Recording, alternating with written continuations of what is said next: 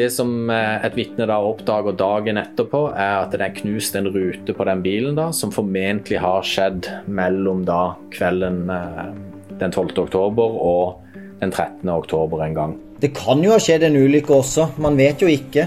Det, og at personen bare ikke blir funnet. Men uh, den mistanken begynner jo å svekkes veldig mye.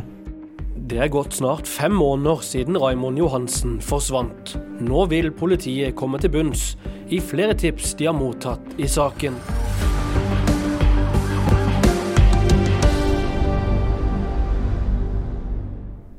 Raimond har levd det, det livet han ønsker å leve. Han vil gjerne være fri. Eh, Supersosialt menneske som gjerne gjorde det som passer han best, og ikke det som passer alle andre rundt han best.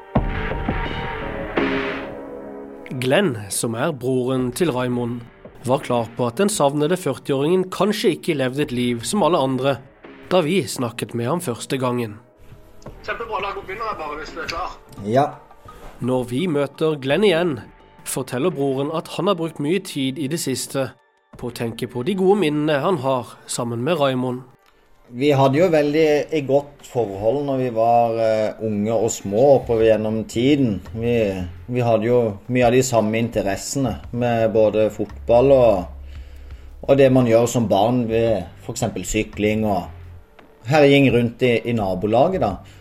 Så det er jo en kontakt vi har hatt opp gjennom årene. Eh, etter hvert som vi blir eldre, så selvfølgelig så blir man jo litt mer spredt, og man får familie og diverse sånne ting, men alltid hatt veldig god kontakt, da. Men der Glenn nå har slått seg til ro med familie og barn, var det eventyr, reiser og nye bekjentskaper og et liv helt på grensa som ble gjeldende for Raymond. Det, han hadde det vel eh, Han hadde det vel greit eh, med både litt alkohol og så andre ting inn i bildet, vil jeg regne med. Så en liten sånn stil for en sånn hippie-type. Spørsmålet er om akkurat denne livsstilen kan ha spilt en rolle bak forsvinningen langs Toftlandsveien den 12. oktober i fjor. Det som gjør saken spesiell, er at eh, vi har ingenting som tyder på at Raymond er blitt utsatt for noe kriminelt. Men eh, vi har heller ikke noe som etablerer andre årsaker til hvorfor Raymond har forsvunnet. Det eneste seksjonsleder Harald Hollerud og resten av etterforskerne ved politistasjonen i Kristiansand vet, er at de siste sporene av Raymond forsvinner i 2030-tiden onsdag kveld 12. oktober. Hunden Pluto som han gikk sammen med, dukket opp ni dager senere. Tidligere den kvelden hadde Raimond vært flere timer på Tangvall i Søgne. Han hadde handlet middagsvarer, to kilo hundemat og en halvlitersflaske med vodka.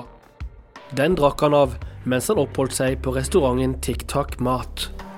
Han forlot restauranten rett før klokken 20, og gikk deretter langs Toftlandsveien i retning boligen på Volleberg, noen få kilometer unna.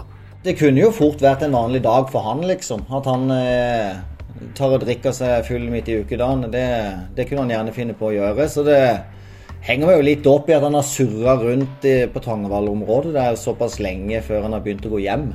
Eh, og at eh, sporene plutselig forsvinner ved det, ved det klokkeslettet, som det også gjør. Det er så mange tanker at man vet egentlig ikke lenger hva man egentlig skal tenke. Det, det har blitt et sånn svært bibliotek oppi huet, og ingenting er riktig.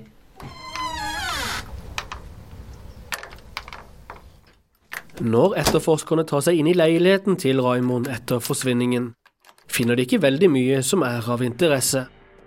Men de finner en del notater, annet en ønskeliste han hadde skrevet ned.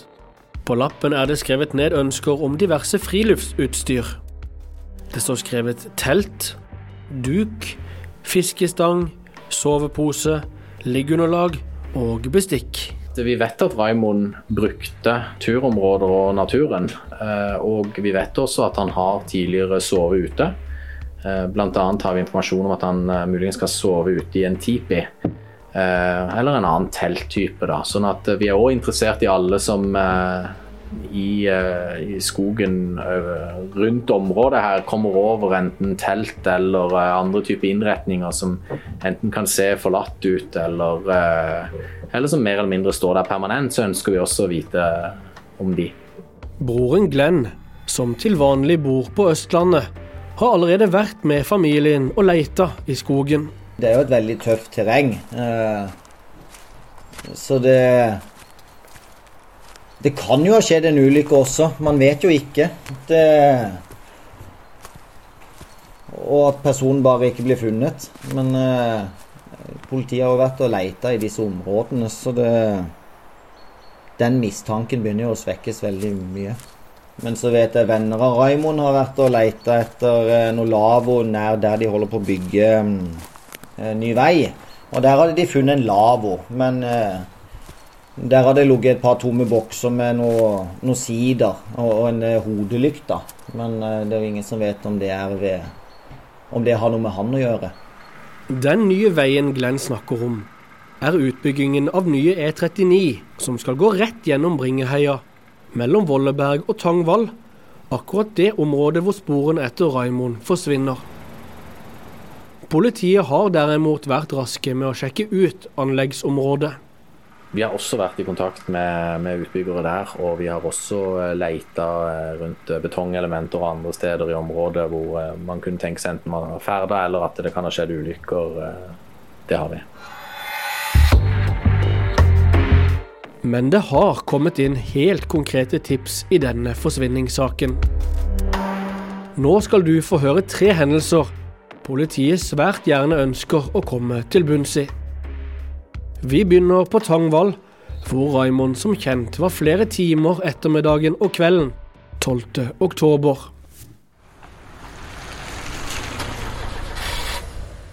Politiet fikk inn et tips om at det var noen ungdommer eh, rundt biblioteket på Tangvall som ble kontakta av en mann som eh, skal ha vært blodig på nevene. Han skal ha spurt om å få låne en mobiltelefon og vært eh, sint, og eh, sagt at han eh, skal ha blitt forsøkt rana. Det opplevde de ungdommene som såpass ubehagelig at de ønska ikke å låne mobilen eh, til vedkommende. Og den personen skal da ha gått videre til det som beskrives som muligens to eldre damer, og uh, muligens fått låne en telefon av de. Og Hvis noen kjenner seg igjen i den situasjonen, så ønsker politiet å komme i kontakt med dem. Men det er viktig for oss å understreke at vi er usikre på tidspunktet, og vi vet heller ikke om dette har noe med Raimond å gjøre. Det neste tipset er også fra Tangvall. Klokka er litt over 22.00 på kvelden den 12. oktober. Ei dame er ved Coop Extra-butikken Raymond besøkte tidligere den kvelden. Da skal hun ha møtt en person i, ved utgangen til, eh, til Coop som uh, hun opplever kan ha ligna på Raymond. Uh, den personen altså som hun opplever kan ligne, gikk så bort til en til en, eh, det hun beskriver som en eh, typisk Audi fra 1990-tallet, med ekstra lys foran. Og det skal ha sittet to personer eh, foran i den bilen. Så Hvis noen kjenner seg igjen i den beskrivelsen også, som den personen da skal ha, skal ha gått bort til denne bilen, så ønsker vi også å komme i kontakt med de. Det tredje tipset er fra Toftlandsveien. Ikke langt unna der Raymond sist ble observert med hunden Pluto i bånd, gående hjemover. Kvelden 12. oktober stopper politiet en blå Audi og setter den så på en grusplass langs veien, i påvente av at eieren av bilen skal hente den senere.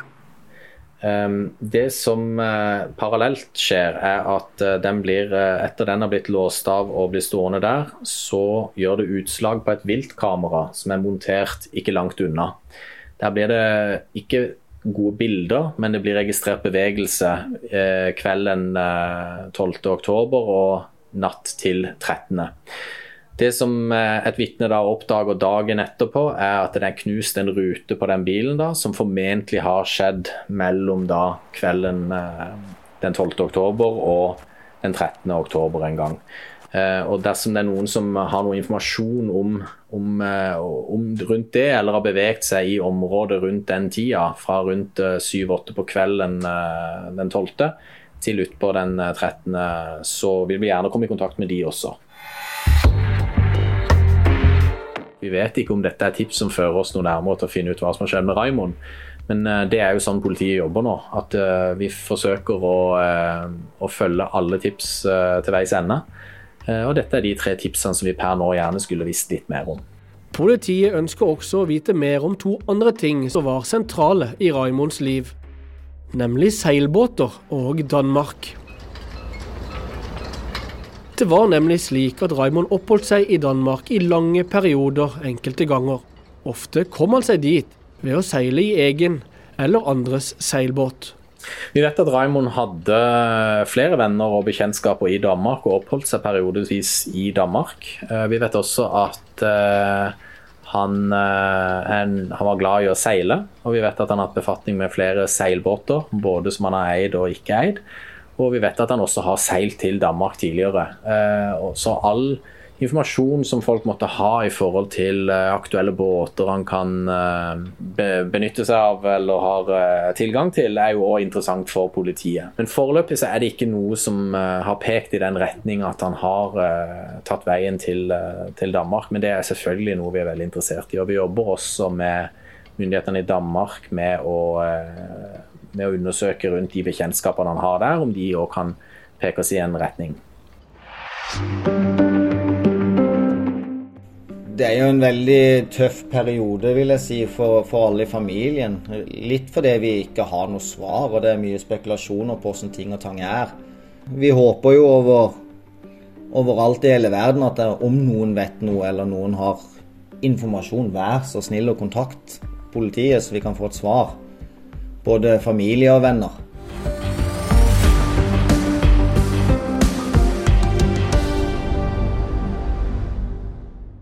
Du har hørt del tre av podkasten Hva har skjedd med Raymond? Mitt navn er Anders Mjåland, journalist i Federlandsvennen. Og har du tips til meg i denne saken, er du hjertelig velkommen til å ta kontakt. Reportasjeleder for denne podkasten er Elling Svela. Ansvarlig redaktør er Eivind Jøstad.